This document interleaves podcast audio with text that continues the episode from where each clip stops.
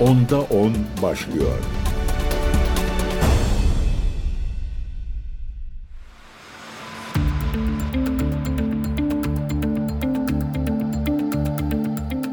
Değerli CGTN Türk takipçileri ben Gökün Göçmen On Doğan programına hoş geldiniz.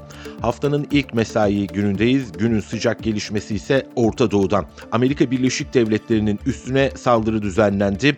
Peki nerede saldırı düzenlendi? ABD'ye göre Ürdün içerisinde, Ürdün'e göre ise Suriye içerisinde bir saldırı gerçekleştirildi. Fakat gerçek şu ki 3 ABD askeri hayatını kaybetti. 30'a yakında yaralının olduğunu biliyoruz. Uzunca bir zamandır ABD askerlerine dönük ilk ölümle gerçekleşen saldırı olduğunu söyleyebiliriz. Elbette 7 Ekim'den bu yana ABD üslerine saldırılar artmıştı fakat doğrudan Pentagon tarafından ABD askerlerinin öldüğü kabul edilmiş oldu. Bu çok sıcak ve çok önemli bir gelişme. Önümüzdeki günlerde de gerilimin zirveye tırmanması muhtemel.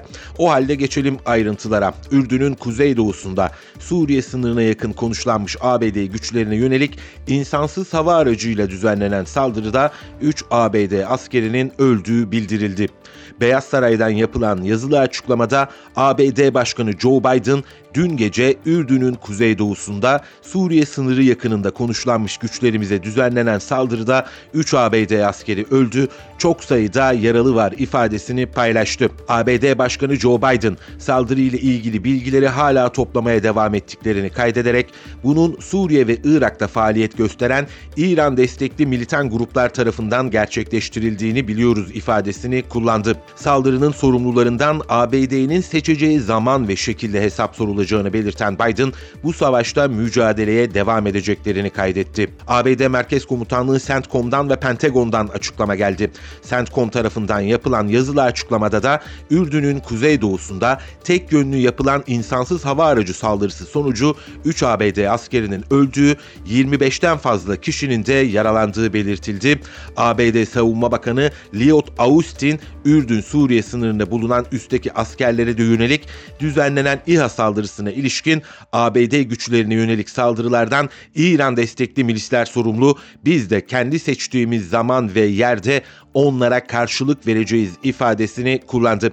Amerika Birleşik Devletleri'nde Başkan Yardımcısı Kamala Harris, eski ABD Başkanı Donald Trump, Demokratlar, Cumhuriyetçiler, Amerika Birleşik Devletleri'nde kim varsa dün gece gözlerine uyku girmedi efendim. ABD Başkan Yardımcısı Kamala Harris, Ürdün'ün kuzeydoğusunda Suriye sınırına yakın konuşlanmış ABD güçlerine dönük saldırıya ilişkin terörizmle mücadeleye devam edeceğiz ve tüm sorumlulardan hesap soracağız dedi. Harris sosyal medya hesabından yaptığı açıklamada eşi Douglas Emhoff ile hayatını kaybeden 3 Amerikalı askerin yasını tuttuklarını belirtti. Harris, ABD Başkanı Joe Biden'ın da açıkça ifade ettiği üzere terörizmle mücadeleye devam edeceğiz ve tüm sorumlulardan hesap soracağız açıklamasında bulundu. ABD'li üst düzey yetkililer Başkan Joe Biden'ı Ürdün'ün kuzeydoğusunda Suriye sınırına yakın konuşlanmış ABD güçlerine insansız hava aracıyla düzenlenen saldırıya dair bilgilendirdi. Beyaz Saray'dan bir açıklama geldi. Beyaz Saray sözcüsü Karine Jean-Pierre yaptığı açıklamada ABD Başkanı Joe Biden'ın Savunma Bakanı Lloyd Austin, Ulusal Güvenlik Danışmanı Jack Sullivan ve Ulusal Güvenlik Danışman Baş Yardımcısı John Fier tarafından bilgilendirildiğini duyurdu. Öte yandan Beyaz Saray'dan yapılan yazılı açıklamaya göre Biden saldırıyı alçak ve tamamıyla hakkaniyetsiz olarak nitelendirirken ABD askerinin Amerikalıların ve terörizme karşı beraber mücadele ettikleri müttefiklerin güvenliği için hayatını riske attığı belirtildi. Kimse de sormuyor ki Amerika Birleşik Devletleri çölün ortasında kendisinden on binlerce kilometre uzaklıkta Amerika'dan on binlerce kilometre uzaklıkta ne yapıyor bu askerler çölün ortasında? Iraklı milis grup ABD askerlerine yönelik İHA saldırısını da kendilerinin düzenlediğini zaten duyurdu. Irak'ta İslami Direniş Grubu yazılı açıklama yaptı. Sabaha karşı İHA'lar ve Suriye'deki eşşeydade Vadi, Rukban ve Telef üslerine saldırı düzenlediklerini iddia ettiler. Açıklamada grubun ayrıca İsrail'deki Zevulun denizcilik tesisine de eş zamanlı saldırı gerçekleştirildiği duyuruldu. Ürdün'den bir açıklama geldi çünkü Amerika Birleşik Devletleri bu saldırının Ürdün sınırları içerisinde gerçekleştiğini iddia etmişti. Ürdün hükümet sözcüsü Muhannet Mubaydin yaptığı açıklamada Tenef üstüne yönelik saldırının Suriye-Ürdün sınırında gerçekleştiğini ve Ürdün güçleri safında herhangi bir can kaybının yaşanmadığını söyledi. Saldırının İHA'larla düzenlendiğini teyit eden Mubaydin şunları kaydetti. Ürdün Suriye sınırındaki gelişmiş bir noktaya hedef alan terör saldırısını kınıyor. Saldırıda Ürdün'le terör tehlikesiyle mücadele ve sınır güvenliği konusunda işbirliği içindeki ABD güçlerinden 3'ü öldü, kimileri de yaralandı. Saldırıda hayatını kaybeden ABD askerleri için taziyelerini ileten Mubaydin, Ürdün sınırı yakınlarındaki ABD güçleri varlığının iki ülke arasındaki işbirliği doğrultusunda e, yer aldığını söyledi. ABD güçlerinin sınırdaki varlığını kapsayan anlaşmanın sınır güvenliği ile eğitim alanlarını içerdiğini işaret eden Ürdünlü Bakan, Ürdün Silahlı Kuvvetleri'nin sınırlarını korumaya devam edeceğini iddia etti. Donald Trump eski ABD başkanı fakat Kasım ayında Amerika Birleşik Devletleri'nde seçimler var. Yeniden seçilmesi sürpriz olmayacak. Kampanyasına hız verdi ve dedi ki bu vesileyle bu saldırı vesilesiyle eğer dedi ben başkan olsaydım bu saldırı gerçekleşmezdi. Eski ABD Başkanı Donald Trump, ABD'nin Ürdün-Suriye sınırındaki askeri üsse ABD güçlerine dönük saldırıya ilişkin Birleşik Devletlere yapılan bu yüzsüz saldırı ABD Başkanı Joe Biden'ın güçsüzlüğü ve teslimiyetinin korkunç ve trajik sonuçlarından sadece bir diğeri ifadesini kullandı. Dedi ki saldırıya uğruyorsak bunun sebebi Biden'ın güçsüz ve teslimiyetçi bir karakter olmasından dolayıdır dedi. Trump Truth sosyal medya platformunda açıklama yaptı. Kendisi Twitter yani şu andaki adıyla X'i kullanmıyor. Kendi sosyal medya platformu var Truth diye. Ee, oradan yaptığı açıklamada da paylaşımlarda bulundu. Pek çok kişinin duygusal olarak yaralandığını ve bugün ABD için korkunç bir gün olduğunu belirten Trump hayatını kaybeden askerlerin ailelerine taziyelerini iletti. Trump Birleşik Devletlere dönük saldırıdan bahsetti. 3 ee, yıl önce İran'ın zayıf, parasız ve tamamıyla kontrol altında olduğunu iddia etti. Ee, biliyorsunuz bu saldırılardan İran sorumlu tutuluyor. Trump da diyor ki benim dönemimde İran zayıf, parasız ve tamamıyla kontrol altındaydı diyor ama bahsettiği İran e, yine Suriye'de ABD'nin üslerini vurmuştu efendim. Başkanlık görevini sürdürürken uyguladığı azami baskı politikasının etkisine değinen Trump, İran rejimi terörist vekillerini finanse etmek için 2 dolara ancak bir araya getirebiliyordu ifadesini kullandı. Ancak sağdaki gerçekler Trump döneminde de öyle değildi. Ee, öyle ki ABD üsleri vuruluyordu. I- Irak'ta, Bağdat'ta ABD Büyükelçiliği basıldı. Elbette bunlar da Trump döneminde yaşandı. Ama dediğim gibi şu anda Kasım ayında seçimler var. Taraflar fırsat buldu. Bu saldırı vesilesiyle birbirlerine e, yükleniyorlar. Biden'ın İran'a milyonlarca dolar verdiği iddiasında bulunan Trump, İran bu parayı Orta Doğu'da katliam ve yıkım için kullanıyor diye iddialarda bulundu. Eski başkan paylaşımının sonunda ülkemiz Joe Biden'ın başkomutanlığında e, asla ayakta kalamaz alamaz dedi. E, bu arada Trump'ın bir başka gündemi de Ukrayna-Rusya savaşıydı. Dedi ki benim başkanlık görevim sürseydi Ukrayna ve Rusya arasında savaş olmayacaktı. Şimdi Biden geldi. Bütün dünya 3. Dünya Savaşı'nın eşiğinde dedi. Kendisi savaşları bitirecek bir başkomutan olarak resmediliyor. Trump yanlılarınca sosyal medyada. ABD Temsilciler Meclisi Silahlı Hizmetler Komisyonu Başkanı'ndan da bir açıklama geldi. Joe Biden yönetimine harekete geçin çağrısında bulunuldu. ABD Temsilciler Meclisi Silahlı Hizmetler Komisyonu Başkanı Mike Rogers'ten geldi bu açıklama. Rogers dedi ki harekete geçin bir an önce. Ayrıca saldırıda hayatını kaybeden askerlere o da başsağlığı diledi ve dedi ki Başkan Biden'ın İran rejimini ve vekillerini ABD ve koalisyon güçlerine karşı düzenledikleri saldırılardan sorumlu tutmasının zamanı geldi de geçiyor bile ifadelerini kullandı. Cumhuriyetçi senatörlerden daha sert açıklamalar geldi. Onlara göre İran bombalanmalı, İran yok edilmeli. Mümkün mü? İşte tablo ortada pek de mümkün gözükmüyor. Zira Beyaz Saray'dan yapılan açıklamalardan seçtiğimiz zaman ve seçtiğimiz yerde ifadelerinin kullanılması da dikkat çekiciydi. Dönelim Cumhuriyetçilere. ABD'de Cumhuriyetçi senatörler Lindsey Graham, Johnny Corin ve Tom Cotton Ürdün'ün kuzeydoğusunda Suriye sınırına yakın konuşlanmış ABD güçlerine dönük saldırıya dair sert açıklamalarda bulundu. Senatör Lindsey Graham sosyal medya platformu X üzerinden yaptığı paylaşımda Joe Biden yönetiminin İran'a karşı aldığı önlemlerin başarısız olduğunu savunarak Biden yönetimini yapma dediğinde İranlılar yapıyor dedi. Biden yönetiminin söylemleri İran'ın bir kulağından giriyor, diğer kulağından çıkıyor ifadelerini kullandı. Biden yönetiminin misilleme ve gelecekteki saldırganlıkları azaltmak amacıyla İran'daki önemli hedeflere saldırmasını gerektiğini belirten Graham, İran rejiminin anladığı tek şey güçtür dedi ve paylaşımının ardından şimdi İran'ı vurun ifadesini kullandı. Daha da gerilimi yükseltmek istiyorlar zannediyorum. Graham olayda hayatını kaybeden askerlerin ailelerine başsağlığı dilerken yaralananların da en kısa sürede iyileşmesini diledi. Senatör Graham ayrıca ABD Savunma Bakanı Lloyd Austin'in İran'da uyguladığı stratejinin başarısız olduğunu savunarak İran'ı caydırma konusunda Biden'ın ulusal güvenlik ekibi uzun süre önce güveni kaybetti. Politikalarını onlar şimdi değiştirmezlerse bunun bedelini ABD askerleri ödemeye devam edecek dedi. Cumhuriyetçi bir başka senatör Johnny Corn da sosyal medyadan açıklamalarda bulundu. O da tıpkı Lindsey Graham gibi Tahran'ı hedef alın ifadelerini kullandı. Tom Cotton ayetullahlara milyonlarca dolar rüşvet verdiniz. İran'ı yıllarca cesaretlendirdiniz dedi. Söz konusu olaya e, ilişkin verilmesi gereken yanıtında e, yıkıcı askeri misilleme olduğunu iddia etti. Günün son açıklaması da ABD Başkanı Joe Biden'dan tekrar gelsin o zaman. Çeşitli etkinliklere katılmak için gittiği Güney Carolina, Carolina'da gazetecilere açıklamada bulundu. ABD'nin Ürdün-Suriye sınırındaki üstüne yapılan saldırı elbette yine Joe Biden'ın gündemindeydi ve Biden dedi ki dün gece Orta Doğu'da zor bir gün geçirdik ifadesini kullandı. Biden saldırıda üç cesur ruhumuzu kaybettik diyerek kısa bir sessizliğe gömüldü. Ardından şöyle bir durdu etrafına bakındı. Cevap vereceğiz diye konuştu.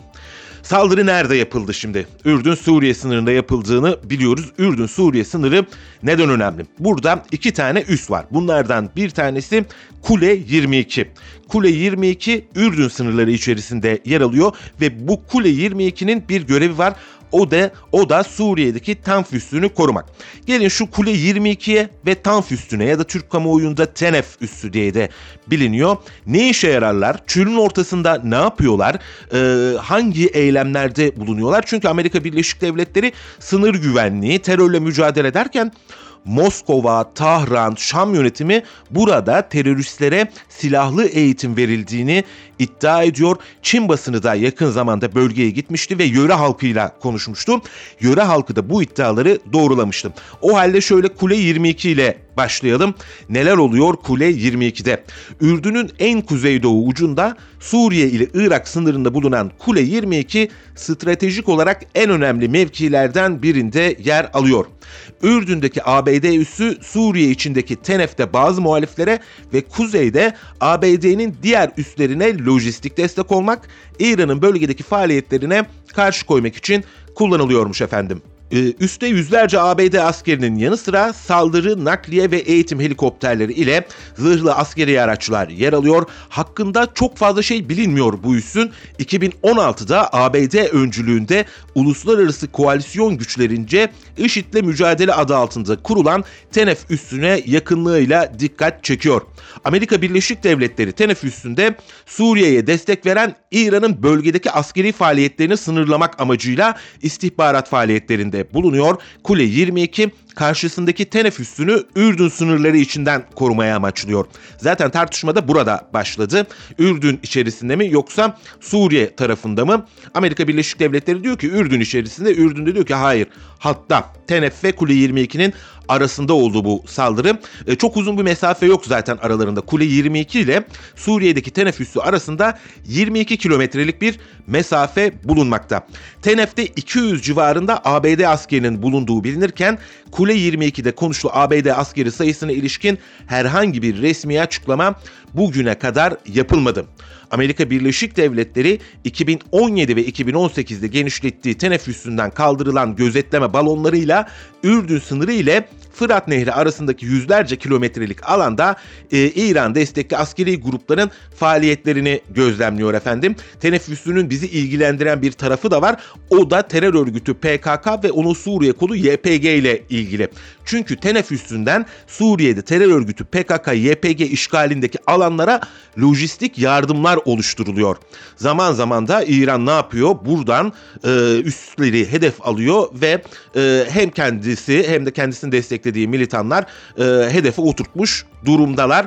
Hem teneffüsünü hem de kule 22 ama bu Tenef üssü ya da Eltanf üssü de olarak biliniyor. Ee, Rusya çok önemli bir açıklama yapmıştı geçtiğimiz senenin başında. Aslında bu iddialar daha önce de e, sıklıkla dile getiriliyordu. Ancak bu kez açıklamayı yapan Rusya'nın dış istihbarat servisiydi SVR. ABD'nin IŞİD ve El-Kaide militanlarını Rusya'ya terör saldırıları düzenlemesi için Suriye'deki El Tanf üssünde eğittiğini açıklamıştı Moskova yönetimi. Rusya'nın dış istihbarat servisi ABD'nin Rusya ve bağımsız devletler topluluğu ülkelerine terör saldırıları düzenlemesi için cihatçı militanların örgütlendiğini Şubat 2023'te duyurmuştu. Rusya Dış İstihbarat Servisi'nin yaptığı yazılı açıklamada Rusya Dış İstihbarat Servisine gelen güvenilir bilgiye göre ABD ordusu Rusya ve bağımsız devletler ülkelerinde terör saldırıları gerçekleştirmesi için IŞİD ve El-Kaide bağlantılı cihatçı grupları aktif olarak eğitiyor ve ikna etmeye çalışıyor demişti. Bu ifadelere yer verilmişti. Açıklamada ABD'nin özellikle Kuzey Kafkasya ve Orta Asya bölgelerinden militan devşirmeye çalıştığı da kaydedilmişti. Ee, 2022 Ocak ayında Batı Asya ve Kuzey Afrika bölgelerindeki çatışmalardan deneyime sahip 60 cihatçı teröristin ABD saflarına çekildiği belirtilirken Rusya İstihbarat Servisi hala hazırda bu kişiler ABD'nin Suriye'deki El Tanf üstünde hızlandırılmış eğitimlerden geçiriliyor. Bu üslerde onlara el yapımı patlayıcı cihazlar yapma ve kullanma becerilerinin yanı sıra sabotaj ve yıkıcı faaliyetler yürütülme yöntemleri de öğretiliyor diye açıklamada bulunmuştum. Bu eğitim kapsamında yabancı diplomatik misyonlar dahil iyi korunan hedeflere yönelik saldırıların planlandığını belirten açıklamada yakın zamanda militanların küçük gruplar halinde Rusya ve bağımsız devletler topluluğuna üye ülkelere sızma girişimlerinde bulunduğuna da dikkat çekilmişti ve onlara denmişti diplomatlara, memurlara, kolluk kuvvetlerine ve silahlı kuvvetlere saldırı yapma talimatı verildiği ifadelerini kullanmıştı. Sadece Rusya Dış İstihbarat Servisi değil ama aynı zamanda bu üste eğitimden geçmiş kişiler de itiraflarda bulundu. Örneğin Suriye ordusuna teslim olan bir militan grubunun komutanlığını yapan Ebu Hamza dedi ki Tanf bölgesinde yapan Amerika Birleşik Devletleri ordusuna mensup kişiler IŞİD üyeleriyle aktif bir ilişki içerisinde Suriye'nin Palmira kentinde Rus gazetecilere konuşmuştu. Hamza ABD'liler buranın kendi toprakları olduğunu düşünüyor. O bölgede kral gibiler IŞİD'lilerle çalışıyor, işbirliği yapıyorlar, eğitim veriyorlar ifadelerini kullanmıştı.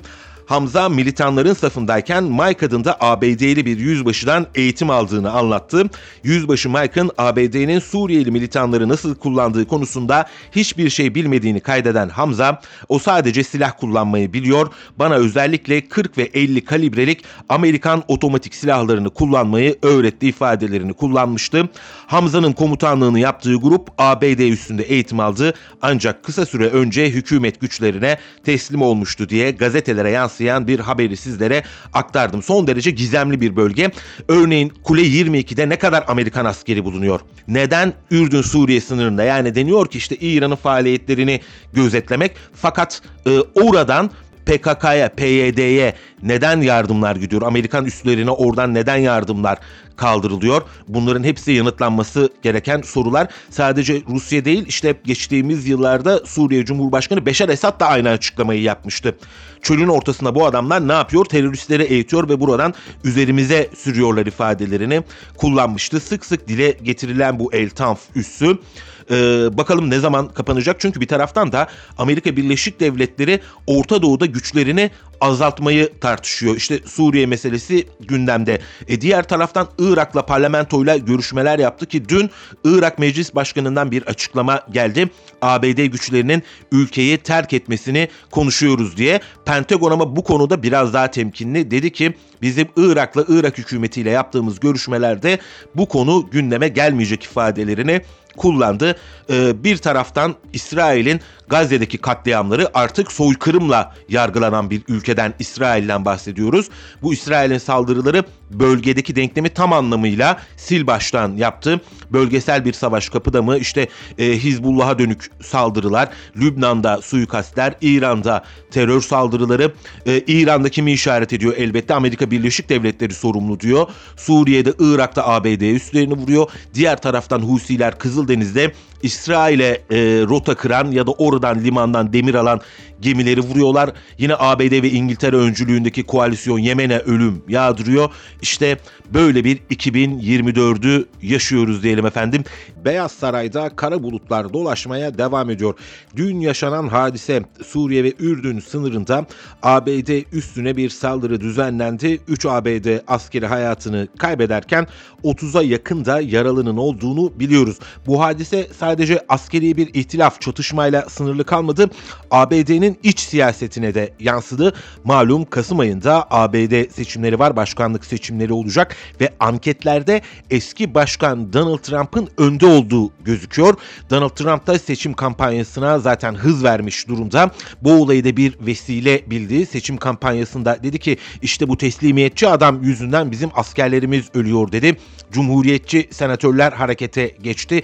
Başta Lindsey Graham olmak üzere İran'ı vurun tartışmaları alevlendi. E, Pentagon'dan yapılan açıklamada yine Biden tarafından gelen açıklamada ise uygun zaman ve mekanın tercih edileceği ancak günün sonunda intikam alınacağı iddia ediliyor.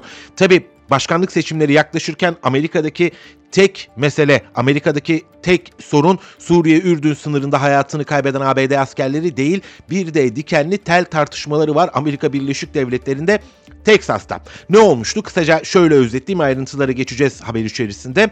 Teksas'ta ulusal e, muhafızlar ABD sınır devriyelerinin işini yapmasını engellemişti ve ABD mahkemesi kararına rağmen sınır hattına dikenli teller çekmeye devam etmişti. E, merkezi yönetim ile Teksas arasında bir ihtilaf uzlaşmazlık ortaya çıkmıştı.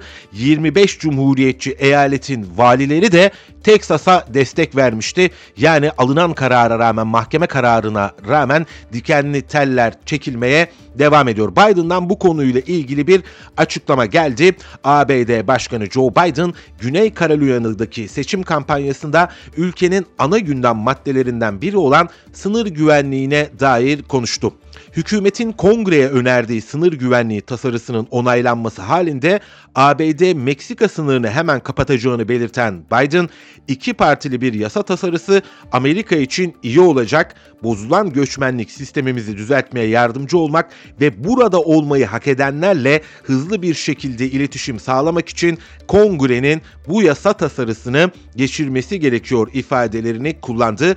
Biden tasarının başkan olarak kendisine tekrar kontrol altına alınana kadar sınır kapatma konusunda acil durum yetkisi vereceğini dile getirerek eğer bu tasarı bugün yasalaşsaydı sınır hemen kapatır ve durumlar düzelirdi diye konuştu. Biden hükümetinin kongreye sunduğu tasarı sınırdan geçen düzensiz göçmen sayısının günlük 5000'i geçmesi halinde başkana sınırı kapatma yetkisi veriyor. Aç kapa yapacak yani Biden. 5000 sayısı tamamlandı mı? Tamam sınırı kapatın. 5000 herhalde ne bir göçmen ihtiyacı da var Amerika Birleşik Devletleri'nin iş gücü ihtiyacı da var. Dolayısıyla Washington yönetimi ortayı bulmaya çalışıyor ama Cumhuriyetçiler daha sert. Hiçbir şekilde Meksika'dan gelen düzensiz göçmenleri istemiyorlar. Yine Amerika Birleşik Devletleri'nde biraz önce bahsettiğimiz tasarı 14 milyon doları sınır güvenliği sağlayacak şekilde yeni devriye kuvvetlerinin oluşturulması, düzensiz göçmenlerin işlemlerini hızlandıracak personel ve ekipman alımını içeriyor efendim. Ayrıca 110 milyar dolarlık acil yardım paketi de yine Washington'ın gündeminde. Biden'ı sınırları korumamakla eleştiren Cumhuriyetçiler özellikle söz konusu paketin içinde Ukrayna'ya yapılacak askeri yardım kalemine karşı çıkıyor. Bu nedenle zaten daha önce engellemişlerdi bu paketi. Biz sınırlarımızı Meksika-ABD sınırını konuşurken ey Biden sen neden Zelenski'yi Washington'da Beyaz Saray'da ağırlıyorsun ve ona askeri yardımı bu paket içerisinde vermeye çalışıyorsun diye bu tip bir mesajla karşı çıkmışlardı. Zaten Zelenski'nin son ABD ziyareti beklenenin aksine epey sönük geçmişti. Artık o kadar alkışlanmıyor e, Ukrayna lideri Zelenski. Öte yandan ABD sınır devriyesi yetkilileri Kasım ayına göre %31 artışla geçen ay sınırdan geçen yaklaşık 250 bine yakın düzensiz göçmeni gözaltına aldıklarını, bazı günler sınırdan geçen düzensiz göçmen sayısının 10 bini aştığını açıkladı. Muazzam bir rakam. Günde 10 bin kişi Meksika'dan Amerika Birleşik Devletleri'ne girmeye çalışıyor ve giriyor. Aralıkta yakalanan düzensiz göçmenler içinde 56 binle Meksikalıların çoğunluk olduğu, bunu 47 bine yakın kişiyle Venezuelalı göçmenlerin izlediği bilgisine yer verildi ülke basınında çıkan haberlerde. Diğer yandan Biden hükümeti ile Cumhuriyetçi Texas valisi Greg Abbott arasında dikenli tel krizi devam ediyor. ABD Yüksek Mahkemesi'nin Meksika sınırı Rio Grande Nehri boyunca Texas tarafından çekilen dikenli tellerin kaldırılması kararının ardından Texas valisi Abbott ile Başkan Biden arasında anlaşmazlık tırmanmıştı. Texas Ulusal Muhafızları mahkeme kararına rağmen 23 Ocak'ta ABD sınır devriyesinin işini yapmasına izin vermemiş, dikenli telleri yerleştirmeye devam etmiş. 25 Cumhuriyetçi eyaletin valileri de ortak bir bildiri yayımlayarak Texas'ın yanında olduklarını söylemişti. Neymiş bakalım bu Texas? Texas'ın çok enteresan da bir tarihi var. Çünkü Amerika Birleşik Devletleri'nin değildi Texas, Meksika'ya aitti. Daha sonra Meksika e, bağımsız bir cumhuriyet ilan etti kendi kendine. Daha sonra Amerika Birleşik Devletleri'nin bir eyaleti olmayı tercih etti. Şöyle bir bakalım mı? Meksika, dünden bugüne bir Meksika turu yapalım. Texas Meksika'dan ayrılarak efendim 2 Mart 1836'da bağımsızlığını ilan etti. Fakat ABD Texas Cumhuriyeti'ni 1837'de tanıdı. Aralık 1845'te ABD'ye katılana kadar Meksika Texas'ı Asi eyaleti olarak görüyordu. Yani gerçekten burası Texas mı derler ya hani Texas öyle bir yer ki Meksika'nın parçasıydı. Ayrıldı e, bağımsızlığını ilan etti. Amerika Birleşik Devletleri tanımadı. Bir yıl boyunca kimsenin tanımadığı bir yerdi. Daha sonra e, 1837'de tanıdı ama 1845 yılına kadar da asi bir eyalet olarak tanımlandı. Eyaletin ABD'ye resmen katılımı ise 19 Şubat 1846'da düzenlenen törenle oldu. Yani hemen kabul edilmedi. Meksika Dışişleri Bakanlığı 1843'te dönemin ABD'nin Meksika olağanüstü elçisi ve tam yetkili bakanı Woody Thompson'a Texas Cumhuriyeti'nin ABD'ye katılmasının savaş nedeni olabileceği uyarısında bulunmuştu. Texas'ın ABD'ye 28. eyalet olarak katılmasının ardından Meksika askerleri iki ülkenin hak iddia ettiği topraklarda ABD askerleriyle çatıştı. Bunun üzerine ABD Kongresi Mayıs 1846'da Meksika'ya savaş ilan eden bir yasa çıkardı. Nisan 1846, Şubat 1848 döneminde yaşanan ABD-Meksika Savaşı Rio Grande ve Gila nehirleri arasında devam etti ve nihayetinde Hidalgo Anlaşması'nın imzalanmasıyla sona erdi. Çok uzun süren bir savaş yani iki buçuk yıllık bir savaştan bahsediyorum. Savaşın neticesinde Amerika Birleşik Devletleri yaklaşık 1 milyon 300 bin kilometre karelik alanı topraklarına kattı. İşte böyle bir düzen. Savaşının güçlü olanın toprak aldığı bir düzenden bahsediyoruz. 1800 50'ye yakın yıllarda. Bu Meksika Savaşı'nın öncesinde sahip olduğu toprakların yarısından fazlasına tekabül ediyordu. Öyle bir savaş ki Meksika topraklarının yarısını kaybetti. Teksas'ta bağımsızlığın ilan edilmesinin ardından getirilen yasalar gereği köle sahipleri daha çok nüfus sahibi olmuştu. Teksas'ta redneck derler ya yani biraz da e, cumhuriyetçilerin hatta aşırı sağcıların egemen olduğu bir topraktan bahsediyorum. Teksas'ta kölelik bir aralar e, epey meşhurdu. Hatta işte e, filmlere de yansırdı küçükken izlerdik. Ülkede köleliğin kaldırılmasını savunan ABD'nin kuzey eyaletleri ile buna karşı çıkan güney eyaletleri arasında bu sefer bir kez daha savaş yaşanıyor. 1861 ve 65 yılları arasında Amerikan İç Savaşı olarak biliyoruz. Çünkü ABD'nin güneydoğu bölgelerinde tarıma dayalı bir ekonomi hakimdi. Çiftliklerdeki iş gücü de Afrika kökenli siyahi kölelerden sağlanıyordu. Ülkenin diğer bölgelerinde ise sanayiye yönelen ekonominin gerektirdiği serbest iş gücü için kölelik ortadan kaldırılmıştı. Ülkenin batı kesiminde kurulmaya devam eden eyaletlerde de kölelik yasaklanıyordu. Köleliğin güneyde yasaklanacağından endişe eden Texas, South Carolina, Mississippi, Florida, Alabama, Georgia ve Louisiana'nın oluşturduğu 7 güney eyaleti köleliği kaldırmaya söz veren Abraham Lincoln'un seçimi kazanmasının ardından yeniden bağımsızlık ilan ettiler. Şöyle bir toparlayalım. O zamanlar Amerika ikiye bölünmüş durumda. Nasıl ikiye bölünmüş durumda? Kuzey ve güney olarak. E, güneyde yani Teksas'ta diyelim ki kölecilik yaygın, tarım yaygın. İşte redneckler, kızıl enseliler diyoruz ya onlara köle lazım çünkü tarıma dayalı. Ama diğer tarafta kuzeyde ise artık sanayileşme başlıyor. Serbest iş gücüne ihtiyaçları var. Bırakın şu köleleri gelsinler fabrikalarda çalışsınlar deniyor. Abraham Lincoln de söz veriyor ben köleliği kal diye. Daha sonra seçimi kazanınca da Abraham Lincoln bu sefer Texas yine diyor ki ben yine bağımsızlık istiyorum diyor. Virginia, Arkansas, Kuzey Carolina gibi eyaletlerin katılmasıyla da toplam 11 eyalet tekrar bir konfederasyona gidiyorlar. Ülkenin geri kalan kısmı da Kuzeyli Birlik olarak adlandırılıyor. Texas 1861'de konfederasyona katılmasının ardından iç savaş için 100 bine yakın asker sağladı. Eyalet topraklarının genişliği, eldeki kaynaklar ve Meksika körfezine erişim gibi imkanlar nedeniyle Texas, konfederasyon için savaş sürecinde ekonomik destek açısından önemli bir rol oynadı.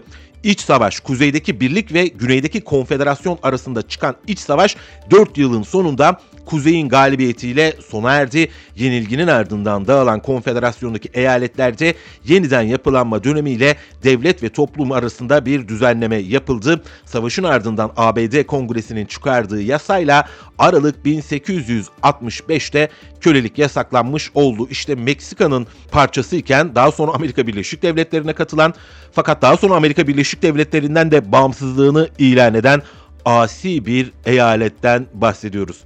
ABD'nin Meksika sınırında bulunması itibariyle Teksas uzun yıllardır artık bir düzensiz göçle anılır hale geldi. Eyalet yönetiminde cumhuriyetçiler, sağcılar var yine Teksas. Demokrat hükümetin güç yaklaşımlarından en çok etkilenen bölgelerden biri haline gelmiş durumda. İşte biraz önce de aktardığım üzere ABD mahkemesi, yüksek mahkeme dedi ki sınıra dikenli tel çekmeyin. Bırakın sınır muhafızları, sınır birlikleri görevini yapsın dedi ama Texas dinlemedi. Kendi bünyesinde de askerleri, ulusal muhafızları var. Onları bölgeye gönderdi. ABD askerlerinin, sınır birliklerinin iş yapmasını engelledi. Dikenli çel, tel çekmeye devam etti. Ee, bu çatışmanın e, ihtilafın diyelim daha doğrusu ortasında da diğer cumhuriyetçi eyaletlerde dediler ki biz Texas'ın yanındayız ifadelerini kullandığı şimdi Biden diyor ki bu meselenin hallolması için bana yetki vermeniz gerekiyor ki ben de sınırı istediğim zaman kapatabileyim. Bu göç meselesi tabi sadece Amerika Birleşik Devletleri'nin bir meselesi değil.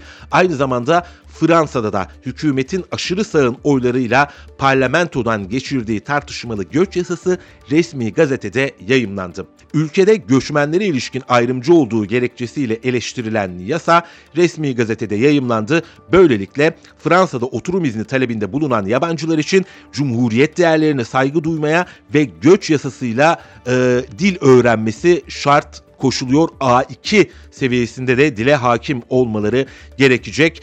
19 ee, Aralık 2023'te onaylanmıştı bu göç yasası. Cumhurbaşkanı Emmanuel Macron Anayasa Konseyi'ne taşımıştı. Anayasa Konseyi 25 Ocak'ta göç yasasını kısmen onaylarken yasayı oluşturan 86 maddeden 30'unun çıkarılmasını e, talep etmişti. Bu yönde bir karar vermişti. Anayasa Konseyi, konsey aile birleşimi koşullarını zorlaştıran ve yabancılar için kira yardımı gibi sosyal yardımlara erişimi Fransa'da geçirdikleri süreye bağlayan maddelerin yasadan çıkartılmasına karar vermişti. Parlamento tarafından göç kotalarının oluşturulmasını öngören düzenlemelerin yasadan çıkarılmasına karar veren Anayasa Konseyi parlamenterlerin göçle ilgili kota belirleme yükümlülüğü olmadığı değerlendirmesinde bulunmuştu. İşte dünyanın gündemi göç. Peki göçler neden oluyor? Neden insanlar yaşadığı, doğduğu toprakları terk etmek zorunda kalıyorlar? İşte bunun nedeni de savaşlar, küresel adaletsizlik, e, bugün tanık olduğumuz bir ortam. Batı bu noktada oldukça ikiyüzlü davranıyor. Venezuela'yı yaptırımlar e, altında boğuyor ama oradan kaçmaya çalışan insanlara da izin vermiyor. E, Suriye'de iktidar değişikliği hayaliyle yola çıktı. E, binlerce silahlı örgüt militanı eğitildi, donatıldı. O insanların, o terör örgütlerinin zulmünden kaçanları yine kapıyı kapattı. E, Türkiye'ye diyor ki işte bu göç meselesinde de yine siz burada göçmenleri tutun biz size para verelim. İşte Amerika Birleşik Devletleri'nin Avrupa'nın göç meselesinden anladığı da bu. Bir taraftan ağlıyorlar sivil toplum kuruluşları ama diğer taraftan da bir gözleriyle de nişan alıyorlar oradaki sivillere. Bunu da belirtmiş olalım. Neleri konuştuk bugün? İlk gündem maddemiz Amerika Birleşik Devletleri üstüne yapılan saldırı Ürdün ve Suriye sınırında İran destekli gruplar tarafından yapıldı. Hoş bu İran destekli grup da artık bir klişe haline geldi. İran destekli derken şunu anlayın aslında direniş ekseninden bahsediyoruz. Yani ortak bir yol haritasına sahip gruplardan bahsediyoruz. İran zaten evet başta bir devlet olması hasebiyle e, bu örgütlere de yardım, destek verdiğini gizlemiyor, saklamıyor. Ama tabii bu örgütler aynı zamanda yerel gündemleriyle de hareket ediyorlar. Örneğin Hizbullah, Hizbullah direniş e, ekseni içerisinde yer alıyor. İran'la ortak bir yol haritasına sahip ama aynı zamanda örneğin Lübnan'ın en büyük siyasi partisi. Hakeza Suriye'de, e, Irak içerisindeki gruplar da böyle. Zannetmeyin ki bunlar sadece kukla ve istedikleri gibi Tahran tarafından oynatılıyorlar. Aslında böyle bir şey yok. İşte bu gruplardan bir tanesi ABD'nin üstünü vurdu. İHA saldırısı düzenledi. 3 ABD askeri hayatını kaybetti. Onlarca yaralının olduğundan bahsediliyor ve Amerika Birleşik Devletleri bir anda karıştı. Eski ABD Başkanı Donald Trump harekete geçti. Basiretsiz olmakla suçladı Joe Biden'ı. Dedi ki benim zamanımda İran köşeye sıkışmıştı ifadelerini kullandı ama bu ne kadar gerçeğe yansıtıyor? Ee, köşeye sıkışmış İran ABD üstlerine füzeler atmıştı. Köşeye sıkışmış İran Irak'ta e, büyükelçiliği bastırmıştı. Değil mi? Yani böyle bir İran'dan bahsediyoruz ama tabii seçim dönemi olduğu için e, biraz açıklamalar elbette abartılı olacaktır. Cumhuriyetçiler de diğer taraftan İran'ı vurun, İran'ı vurun diye tempo tutmaya başladılar. Ancak tabii reel politikte işler bu kadar kolay ilerlemiyor. E, Biden adım atmak zorunda çünkü yeniden başkanlığa aday. ikinci dönemde tekrar Beyaz Saray'da Oval Ofis'teki koltuğunda oturmak istiyor. Biden'ın tek baş ağrısı tabii İran ve onun desteklediği gruplar değil ama aynı zamanda bir göçmen meselesi var. Düzensiz göçmenler Meksika sınırından akın akın geliyorlar. Ee, ABD Anayasa Mahkemesi Teksas'a dedi ki şu dikenli telleri e, bırakın ve bizim sınır birliklerimize, merkezi yönetimi sınır birliklerine izin verin dedi. Ancak Teksas valisi öyle düşünmüyor. Kendisine bağlı ulusal muhafız birliklerini görevlendirdi ve sınır birliklerine görev yaptırmadı. Aynı zamanda dikenli tel çekmeye de devam etti. ABD Başkanı Joe Biden diyor ki şimdi bana yetki verin sınırı istediğim zaman kapatıp açayım ifadelerini kullanıyor. Gelen bilgilere göre 5 bin ila 10 bin arasında bir geçiş var her gün Amerika Birleşik Devletleri'ne Meksika sınırından. Bunun büyük çoğunluğunu Meksikalılar oluşturuyor. Diğer Latin Amerika ülkelerinden gelenler de var diyelim. Efendim bir başka tartışma konusu da işte bu oldu. Onda onda aynı zamanda biraz da tarih yolculuğu yaptık. Bakalım Meksika nereden nereye gelmiş? Gerçekten çok enteresan bir tarihi var Teksas'ın. Bir zamanlar Meksika'nın parçasıyken daha sonra bağımsızlığını ilan etti. Amerika Birleşik Devletleri'ne katıldı. Meksika dedi ki burası benim topraklarımın yarısından fazlası savaş ilan ediyorum dedi. İki buçuk yıl savaş sürdü. Meksika kaybetti. Texas artık ABD'nin bir parçasıydı ama köleliğin yasaklanmaya başlamasıyla birlikte yeni bir isyanın adresi haline geldi. Çünkü e, Teksas'ta kölelik oldukça yaygındı. E, köleliğin bitmesini istemedi Teksaslılar. Bir kez daha savaştılar ve o savaşın neticesinde de kaybedildi ve kölelik kalktı ama bugün de artık yine göçmen meselesiyle anılır hale geldi. İşte onda onda ilk, ilk iki bölümün gündemi bu şekildeydi. Filistin gündemiyle devam edelim. Filistin. The Wall Street Journal gazetesinin Mısırlı yetkililere dayandırdığı haberinde 4 ay sürecek ateşkes yapılmasını ve tüm İsrailli esirlerin serbest bırakılmasını öngören yeni bir teklifin ara bulucu ülkelerce İsrail ve Hamas'a iletildiği kaydedildi efendim. Taraflara sunulan yeni teklif çerçevesinde acil tıbbi müdahaleye ihtiyaç duyan İsrail'e esir çocuk, kadın ve yaşlıların serbest bırakılması için çatışmalara ilk aşamada 6 hafta ara verilmesinin öngörüldüğü ifade edilen haberde bunun karşılığında İsrail'in önemli sayıda Filistinli mahkumu serbest bırakması ve Gazze'ye insani yardımların arttırılmasının istendiği kaydedildi. Haberde teklifin bir sonraki aşamasında Hamas'ın İsrailli kadın esir askerlerin ardından erkek esir askerlerin serbest bırakılmasının ve Gazze'de ölenlerin cansız bedenlerinin İsrail'e verilmesinin önerildiği kaydedildi. Yeni teklifin Hamas'ın Amerika Birleşik Devletleri'nden de dahil olmak üzere uluslararası garantiler almasını kapsadığını işaret edilen haberde ateşkes süresince 7 Ekim'den bu yana devam eden Gazze'ye yönelik saldırıları nihai olarak durdurabilecek kapsamlı bir anlaşmaya varılabileceği de ifade edildi. Esir takası ve ateşkesi içeren yeni teklifin ABD Merkezi İstihbarat Teşkilatı yani bizim bildiğimiz adıyla CIA Direktörü William Burns'ün bu hafta sonu Paris'te Katar Başbakanı ve Dışişleri Bakanı Muhammed bin Abdurrahman El Sani, Mısır ve İsrail İstihbarat Teşkilatı yetkilileriyle yapacağı görüşmeler öncesinde geldiği kaydedildi The Wall Street Journal'ın haberinde. Yani özetle eskinin bir tekrarı gibi 6 hafta ara verelim deniyor. Önce İsrailli erkekler, e, daha doğrusu yaşlı erkekler, kadınlar, çocuklar ve ardından askerler serbest bırakılsın deniyor. Karşılığında da uluslararası yardımlar bölgeye girecekmiş. Karşılığında da 6 haftalık bir ateşkes sağlanacakmış. Ama Hamas daha önce yaptığı açıklamada süresiz ateşkes istediğini bahsetmişti. E, eski teklifler tekrar tekrar ısıtılıyor. E, belki yeni modifikasyonlar yapılıyor diyelim, yamalar yapılıyor diyelim. Bu arada İsrail Dış İstihbarat Servisi Mossad'ın başkanı David Barnea ve beraberindeki heyet de Hamas'la ateşkes ve esir takası anlaşmaları görüşmesi için Fransa'nın başkenti Paris'e gitmiş. Sky News Arapça kanalının haberine göre Barnea'nın başkanlık yaptığı İsrail heyeti ABD'li, Katarlı ve Mısırlı yetkililerle ateşkes ve esir takası anlaşmaları olmak üzere bir dizi temaslar sağlayacaklar. Efendim William Burns de bugün Paris'e gidecek bir kez daha tekrarlamış olalım. Filistin Dışişleri Bakanlığı'ndan bir açıklama geldi. Siz ateşkesi konuşuyorsunuz ama Han Yunus'ta hastaneler ve sağlık kuruluşları da dahil olmak üzere 500 bini aşkın kişi yaşadıkları yerleri boşaltıyorlar ifadelerini kullandı.